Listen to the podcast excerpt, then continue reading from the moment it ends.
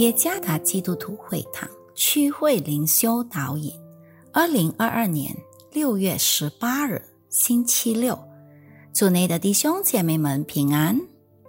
今天的灵修导引，我们将会借着圣经罗马书第五章第三到第五节来思想今天的主题，在他名里有盼望。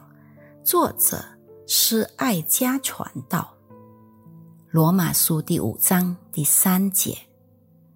不但如此，就是在患难中也是欢欢喜喜的，因为知道患难生忍耐，忍耐生老练，老练生盼望，盼望不至于羞耻，因为所赐给我们的圣灵。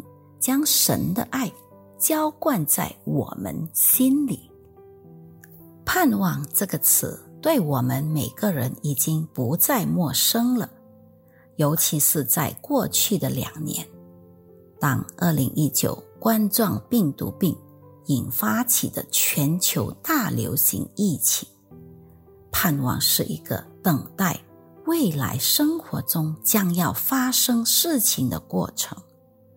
当然，我们每个人总是希望我们的生活是最美好的、幸福美满、被祝福、长命百岁，和还有其他许多我们想要的愿望。但事实上，情况并非总是如此，因为所发生的事情往往不是我们想要的，也不是我们期望的。然而，事实上，是否真有真实的盼望，而不会让我们失望的吗？使徒保罗在罗马书描述了有关一个盼望的存在。使徒保罗看到盼望是一个过程。使徒保罗在第三和四节描述了一个过程，他讲解了一个从患难生忍耐。忍耐生老练，老练生盼望的过程。看了这段经文，盼望不是先被提到的，这说明盼望不是瞬间就产生的，而是需要经过一个过程。这个过程使上帝子民的盼望如此有意义。盼望不是模糊不清的东西。而是缺失的希望，这个缺失盼望的过程，让处在困难时期的上帝子民依然感到喜乐。喜乐是因为我们所经历的困境是一个塑造我们越来越有基督品格的过程，甚至是在上帝的子民里面的圣灵。